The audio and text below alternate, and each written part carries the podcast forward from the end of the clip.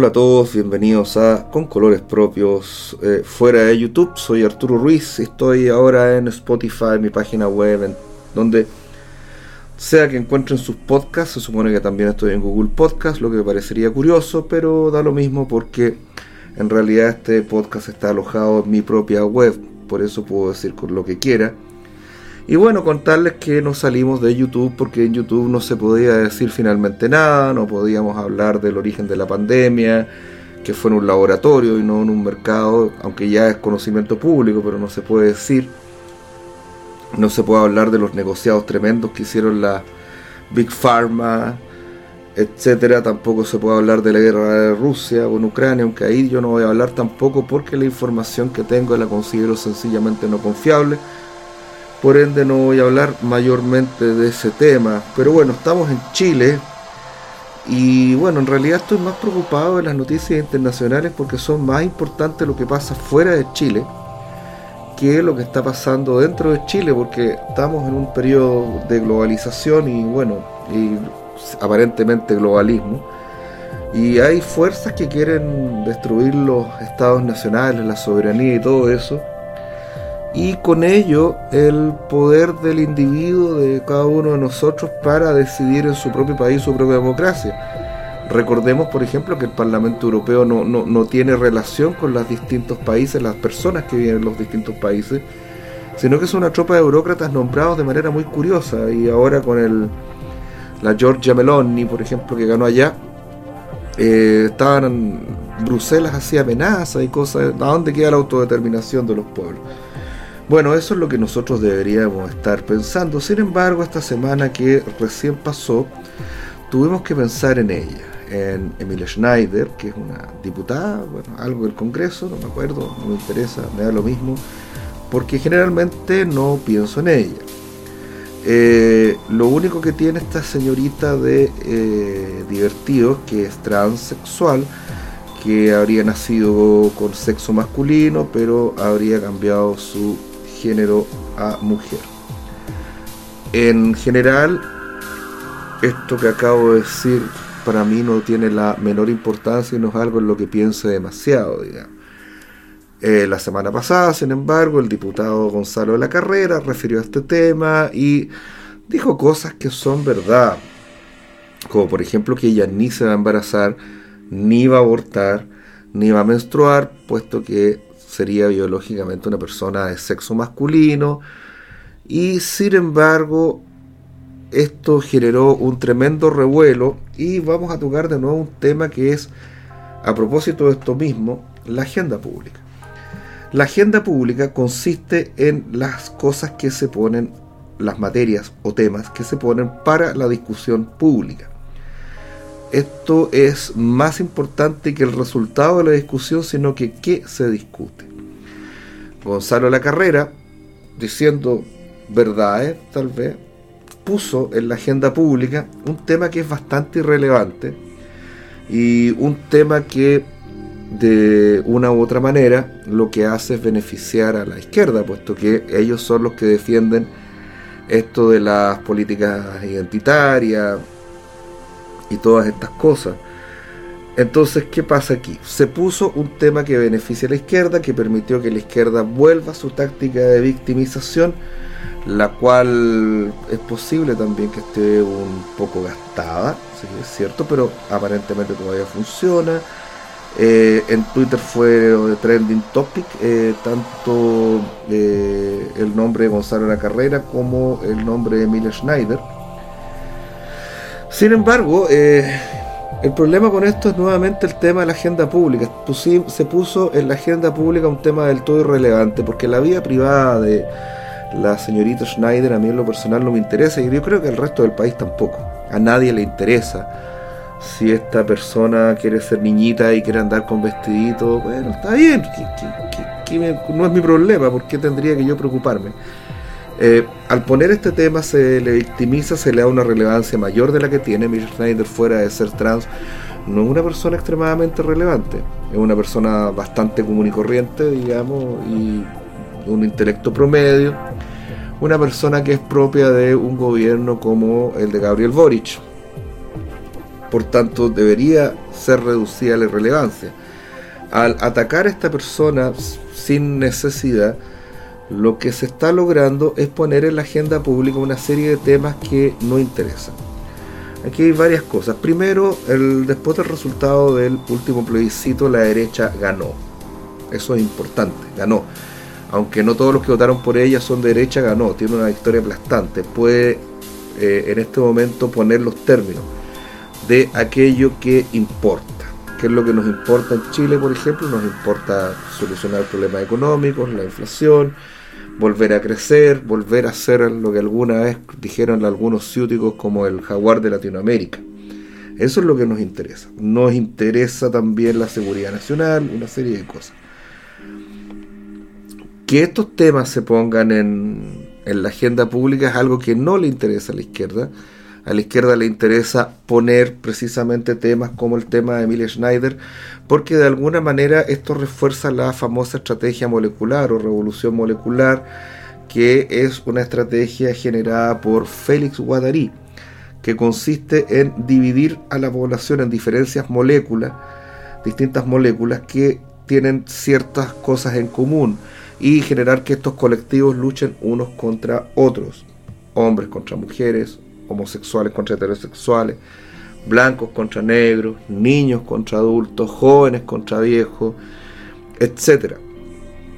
el fundamento de esta estrategia es, son estos colectivos que luchan unos a otros y de esa forma se divide a la sociedad para que hacerla más gobernable, puesto que están todos dentro de la misma familia, los hombres contra las mujeres, los homos contra los héteros, los jóvenes contra los viejos, etcétera se genera un ambiente en el cual es más fácil porque río revuelto ganancia de pescadores. Eso es básicamente. El problema de esta estrategia eh, ocurre cuando se llega al poder. Eh, cuando se llega al poder, de alguna manera estos demonios que se evocaron, estas luchas entre unos y otros, no es tan fácil de acallar. Y bueno, eso era lo que esperaban hacer con la constitución y no lo lograron. Eh, el tema de poner sacar la bandera del trasero de una travesti, por ejemplo, fue demasiado para este país. El 18 de septiembre estuvo especialmente patriótico, la gente celebró con especial interés nuestras fiestas. Y bueno, era el momento de imponer la propia agenda pública. La propia agenda pública es temas como crecimiento, Chile es uno solo, queremos prosperidad, queremos recuperar el camino perdido, que eso era todo lo que había que hacer. Y en vez de, y para hacer eso, una de las cosas que uno tiene que hacer es concederle al vencido, porque el gobierno está vencido, y esto parece que la derecha en general no se ha dado cuenta, es concederle al vencido precisamente aquellas cosas que no importan. Por ejemplo, una cosa que no importa es decirle señorita a la señorita Schneider. Si ella quiere ser mujer y se quiere poner un vestidito y es trans, ¿quién es uno para decirle que no? Y por otro lado, ¿qué me importa a mí? Al resucitar esta polémica, eh, lo que se hizo fueron, más que entregar la agenda pública, fue regalarles una agenda pública hecha a la izquierda que ya no tenía ninguna, ningún tema, digamos, para eh, debatir, que está francamente derrotada, que han tratado de decir que el plebiscito es una victoria de ellos cuando efectivamente perdieron. Recordemos que este es el gobierno de la prueba, este es el gobierno del cambio constitucional y no resultó. Entonces, la derecha por una parte no entiende que venció, por otro lado no entiende cómo vencer. Eh, al vencido hay que tratarlo con cierta deferencia y démosle todo lo que no importa. Y, que, y eso era simplemente decir, ya la Mira Schneider da lo mismo. Pero claro, ¿qué pasó? Se reactiva esta polémica sobre el género de Mira Schneider, que da lo mismo, da lo mismo para todos nosotros. Incluso para las personas, por ejemplo, que dicen que no hay que meter esta cosa trans en las parvularios, y encuentro que esto está bien. Así como tampoco tendrían que haber gogodancer heterosexuales, no se le habla de sexualidad a niños chicos, ¿no? Así como, en, no sé si en Chile lo han hecho, pero en, en otros lados llevaban a niños a disco gay eso está tan mal como llevar a un niño al pasapó, a un club para caballeros. No, no, no. Es la sexualidad fuera de tiempo la que está mal. Eso está bien. Ahora, Emilia Schneider es una persona adulta. Eh, si ella quiere ser trans, está bien. eh, o es trans, porque la, condición de trans no es algo que nadie quiera, hay, hay una, una, condición conocida como disforía de género, que es que una persona no se siente conforme con su sexualidad y uno de los tratamientos es cambiarse de sexo y asumir una personalidad del sexo opuesto. Si una persona adulta quiere hacer eso, mm, yo no me opongo. Eh, no nos podemos oponer a eso, digamos y atacar a una persona adulta por tener esta condición de trans no es una cosa muy inteligente. Efectivamente, una persona trans nunca va a ser una mujer biológica o un hombre biológico si, si una, una mujer se cambia de sexo a hombre. Puede que parezca hombre, pero no va a poder engendrar hijos. Y si un hombre se cambia a mujer trans, eh, esa persona no va a poder quedar embarazada tampoco. Básicamente es una cosa cosmética una cosa que lo hace parecer del sexo opuesto, que le da una apariencia conforme a lo que supuestamente es su psicología, pero estos seres no son fértiles y es verdad. Pero ¿qué importa? ¿Qué me importa a mí lo que hagan otras personas? ¿Cuál era el afán de tocar este tema con una persona adulta como es Emile Schneider? Y eso es lo que tenemos que tener cuidado. Eh, ahora, hay ciertos personajes, villanos invitados, trolls de internet, qué sé yo, gente de Twitter, que puede decir las leceras que quiera. Cuando una persona, eso sí, en cambio es un diputado de la República, eh, como Gonzalo La Carrera, eh, lo que diga tiene importancia. Si yo digo en Twitter cualquier cosa, eh, da lo mismo, digamos. O sea, y de hecho, ¿por qué no? Y de hecho, eso, eso, si fuéramos inteligentes, tanto la izquierda como la derecha, debería tener trolls profesionales, debería tener gente que se dedique a hacer esto para, para, poner, para mover ideas. Bueno, la izquierda los tiene, la izquierda no solo tiene eso, tiene profesores, tiene un montón de gente, y de esa forma se ha apropiado los medios de comunicación de la, y de la educación para adoctrinar a la gente, digamos. La derecha no ha entendido todavía eso, todavía no ha entendido lo que es la batalla cultural. O sea, entienden que hay que dar una batalla cultural, el problema es que no entienden cuál es esta batalla cultural. Bueno, lo primero que hay que hacer es darnos cuenta que cualquiera persona de una derecha liberal, y cuando digo liberal me refiero a que crea en la libertad, cuando digo liberal me refiero a que crean el liberalismo clásico, y en esto los conservadores yo creo que me acompañan, conservadores y liberales van de la mano en este punto. Digamos, lo importante son las libertades individuales. Y si una persona adulta quiere cambiar su sexualidad, está en toda la libertad de hacerlo. Lo que no estaría bien es, por ejemplo, que niños de 6 años sean de alguna forma puestos en cuestiones químicas y cosas así, porque esa no es una edad para eso. Eso es otra cosa y eso debe ser evaluado con mucho cuidado por profesionales de la salud mental. Pero una persona adulta puede hacer lo que quiera. Bueno, y si se equivoca tendrá que hacerse responsable de sus errores y si no se equivoca, qué bueno por esa persona, qué bueno que la pase bien y que todo el mundo sea feliz haciendo lo que quiere en su vida privada. Otra cosa que nos trae el tema trans, y esto es bastante grave, es la diferencia entre lo privado y lo público. La sexualidad debería ser una cosa privada. Eh, cuando se hacen públicas las cosas privadas, lo que se logra con ello es aumentar el nivel de control social, ya sea por parte del Estado, ya sea por parte de la masa, y cuando eso ocurre, el ser humano pierde libertad, lo, privado, la sexualidad, lo, de cada uno, eso tiene que ser algo de cada uno, no, tiene por qué meterse otra persona a decirle a uno cómo vivir su sexualidad ni cómo vivir su vida. Eso es la base de la libertad. Yo puedo hacer lo que quiera mientras no dañe a otros. Y si yo quiero vivir mi sexualidad eh, de, alguna manera bizarra con otra persona adulta, es problema mío y nadie tiene por qué meterse. Incluso más aún, si yo quiero vivir mi identidad de género conmigo mismo, como a mí se me ocurra, también es un problema mío y no tiene nadie por qué meterse. Es distinto cuando esto va a los niños y todo eso, pero cada persona puede hacer lo que se le antoje. Y de nuevo, al sacar a la luz el tema de la sexualidad de Schneider, se le hace otro favor a la izquierda y se le da algo más para su agenda pública, que es, que se está haciendo lo privado se transforma en público. Cuando eso se transforma en público, el Estado tiene más control, los partidos tienen más control, que eso es algo que le encanta a la izquierda. Eh, a mí me da mucha risa esto, pero todos los rebeldes de este país, los izquierdistas, los, radicales, nos venían diciendo ponte la mascarilla y vacúnate. Eso es muy divertido, o sea, claro, son obedientes. Porque claro, lo que a ellos son rebeldes, esto es muy curioso, rebeldes contra la libertad porque ellos quieren más control, porque ellos están convencidos de que el control los va a hacer más felices. Nada comparado con los Freedom Trackers, los camioneros canadienses ante quienes me saco el sombrero, o los granjeros holandeses, etcétera. No, aquí se peleaba, la gente pedía en general más control del Estado y todo eso, porque les gusta a la izquierda el control, y ese es el tema. Y si nosotros creemos en la libertad, tenemos que entender que la libertad es para todos. Y si alguien tiene una sexualidad que a nosotros no nos gusta, mientras la ejerza con otras personas adultas y no se meta en nuestras vidas, problema de ellos. No hay que hacer de lo privado algo público. Cuando hacemos de lo privado algo público, aumentamos el control social y disminuimos la libertad de los individuos. Y eso creo yo que debiera ser el principio fundamental que guíe a una derecha que crea en la libertad. Y la libertad no es solo para el libre comercio, sino la libertad es para todas las facetas de la experiencia humana, libertad de culto, por ejemplo.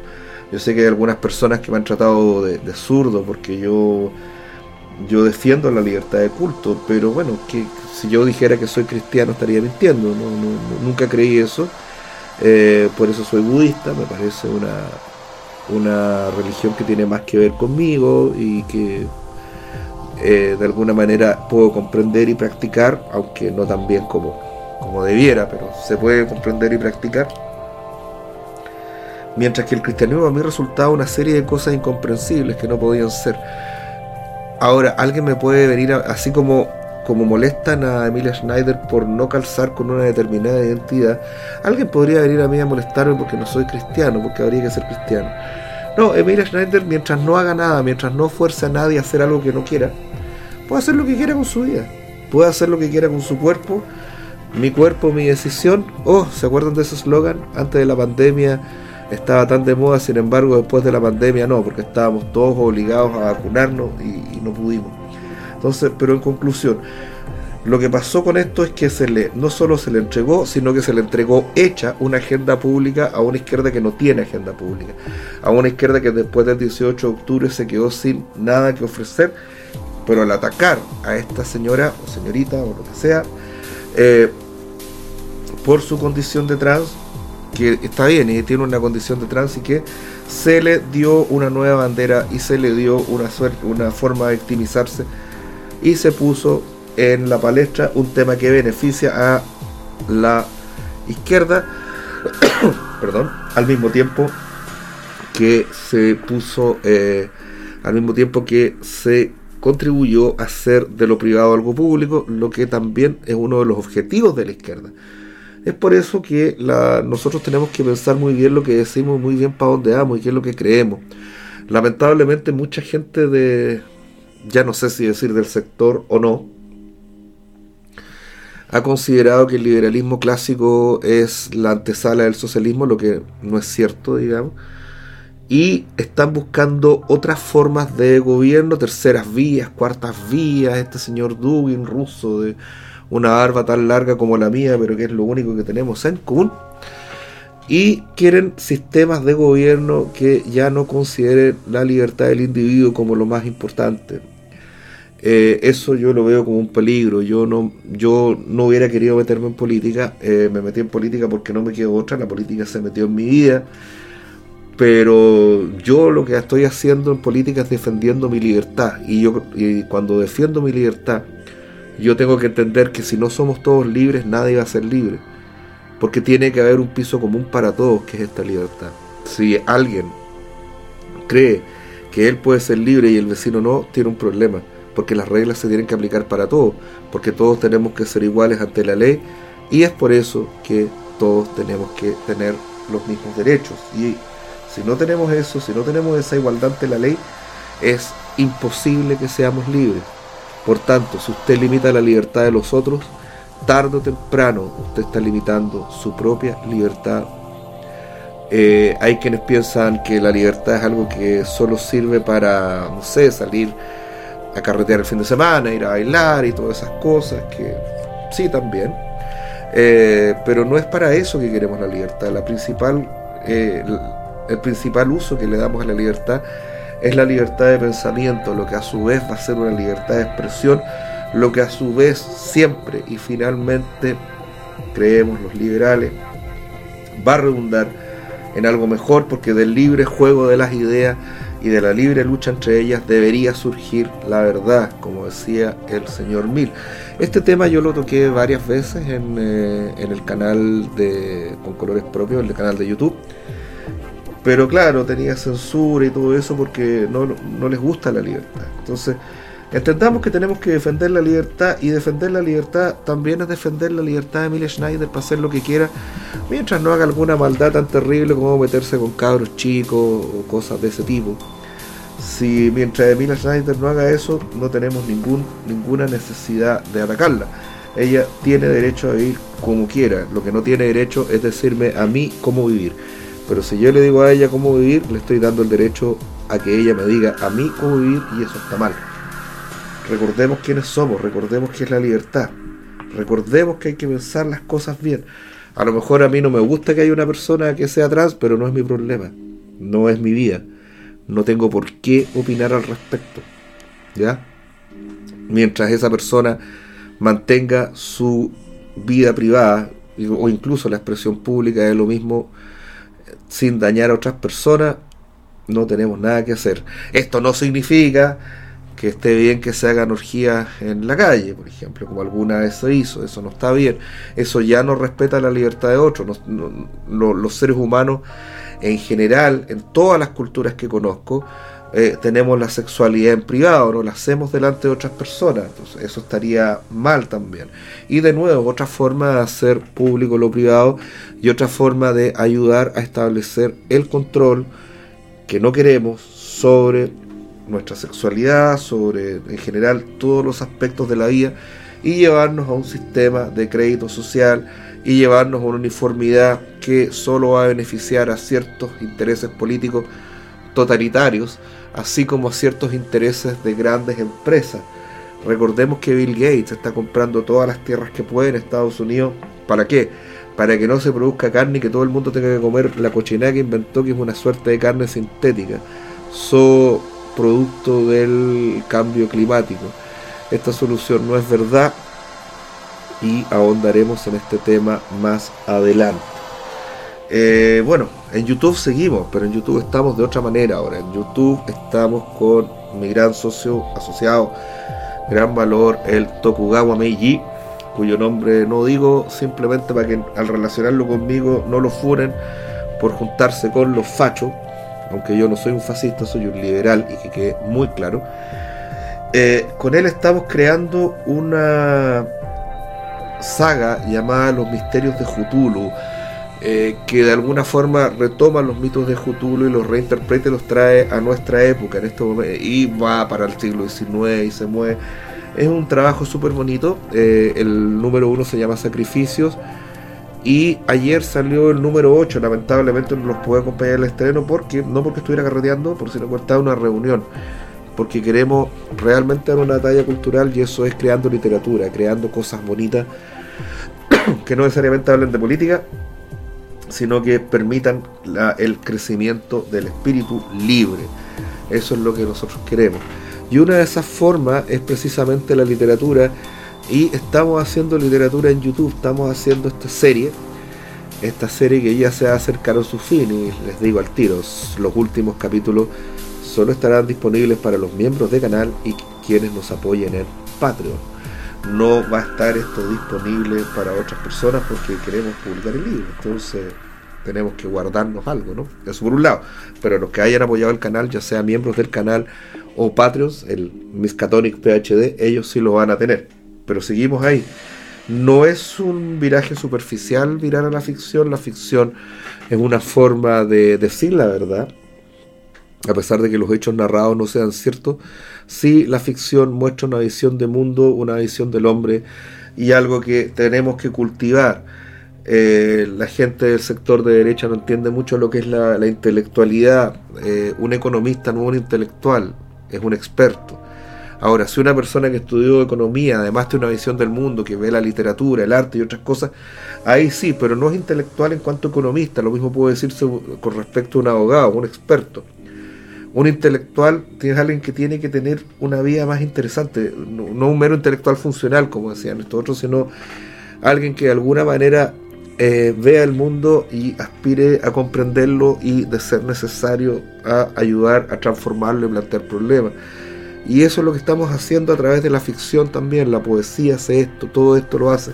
Y esto la izquierda lo sabe muy bien. Y por eso se han apropiado de todo esto. Y bueno, yo estoy trabajando con el gran Tokugawa. Y otra cosa es el que les digo, las biografías de Tokugawa son cada vez que aparecen diferentes a las anteriores. Así que ahí van a reírse mucho con eso también, con un toque de humor para estas cosas. Están escritas en las descripciones y de un tiempo a esta parte las pusimos en el comentario fijado porque nadie lee las descripciones. Eh, ¿Qué más les cuento? Bueno, eh, eso, vayan a ver ese canal, es entretenido, si seguimos ahí. Y recuerden que nos salimos de, de YouTube con este tipo de contenidos precisamente porque este tipo de cosas no se pueden decir en YouTube, se sanciona el algoritmo y todas esas cosas. Entonces dijimos, bueno, en realidad las reglas de esa comunidad no se aplican a nosotros. Así que ahora tenemos nuestro propio podcast en nuestra propia página, distribuido además por Spotify, que imagino que es por donde la mayoría de ustedes lo están viendo. Eh, lo único malo del formato podcast es que no puedo tener la interacción eh, la interacción inmediata que teníamos, por ejemplo, en, YouTube, que nos permitía eh, hablar eh, mientras estaba, por ejemplo, los directos y el chat y podemos interactuar con el chat. Acá, lamentablemente, no podemos hacer eso. Y bueno, si bien mi página y algunos lugares permiten comentarios, de repente esos comentarios tienen tanto spam que encontrar un comentario de verdad cuesta. Y es por eso que tenemos el correo ideas y comentarios ccp podcast, todo junto, arroba gmail.com, precisamente para recibir vuestros aportes y comentarios. Hemos recibido algunos, eh, gracias a los que ya hemos recibido. Eh, no, no nos han pedido nada, eh, solo nos han dicho, nos han mandado halagos, lo que parece muy bien.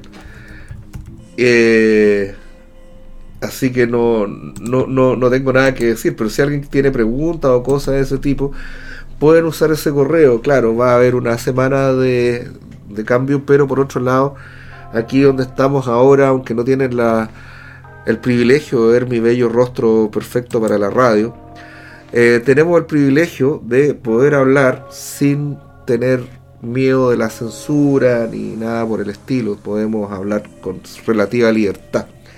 Eh, también me habían sugerido que fuera a Rumble, pero la verdad que Rumble, eh, si bien es una excelente plataforma en el mundo de habla hispana, no ha aprendido todavía lo suficiente, ya lo hace en el mundo de anglosajón.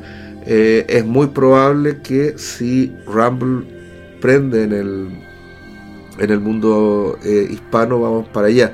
Pero la gracia es que acá estamos en Spotify y hay mucha gente que escucha Spotify en todos los lugares del mundo. Y además con el sistema de podcasting podemos salir en otras plataformas que ni siquiera sé cuáles son todas. Pero cuando busquen podcast, esto también debería estar en Google Podcast, debería estar en Apple Podcast, están todos, deberían recoger el feed que se llama. Así que por eso estamos haciendo podcast y no videos. Y bueno, nosotros nos vemos la próxima semana. Échenle una mirada a, nuestro, nuestros misterios de futuro que están quedando muy buenos eh, dentro de la mitología de Lovecraft. A los que les guste el terror van a saber. Y bueno, me han criticado que el nombre del canal sea Miskatonic. Bueno, ¿qué es lo que es Miskatonic? Miskatonic es la Universidad de Miskatonic en Arkham. Y en la Universidad de Miskatonic está uno de los escasos ejemplares del Necronomicon, como bien lo dice el buen Lovecraft que es nuestro guía espiritual en esto del terror en la historia del Necronomicon. Eh, que la subimos al eh, nuestro, ¿cómo se llama este? Cosa maligna TikTok. Bueno, los que tengan TikTok nos pueden encontrar allá y estamos subiendo poesía, la apócrifa Lovecraftiana. que es apócrifa Lovecraftiana? Son poemas inspirados en la poesía de Lovecraft porque si bien los poemas de Lovecraft son excelentes, las traducciones nunca son tan buenas y hacer una traducción de una poesía siempre es una cosa muy mentirosa. las buenas traducciones no tienen nada que ver eh, con el poema que traducen y las traducciones que, que tienen que ver nunca reflejan la belleza del poema que traducen. Por eso estamos haciendo esto. Así que ahí los invito a todos a ver esto, porque esto también forma parte de la batalla cultural, la reflexión. El terror es un pariente de la tragedia griega. El terror acerca al hombre a la catarsis, acerca al hombre al extremo de una manera espiritual, sin llegar a tener que ir efectivamente a los extremos en la vida. Eh, ¿Qué más les puedo decir? Bueno, eso sería todo. Gracias por escuchar este podcast. Denle like, compartan esto de lo de Spotify. Pueden escucharlo en mi página también. Eh, seguramente lo van a encontrar ahí. Y bueno, eso sería todo. Muchas gracias a la gente de Patreon. Muchas gracias a los miembros del canal de YouTube. No tenemos esa opción acá, pero tenemos la opción de decir lo que se nos ocurra sin que haya unas reglas que nos digan usted está diciendo cosas terrible. Bueno, espero que este capítulo les haya gustado y nos estamos viendo a la próxima. Chao, chao.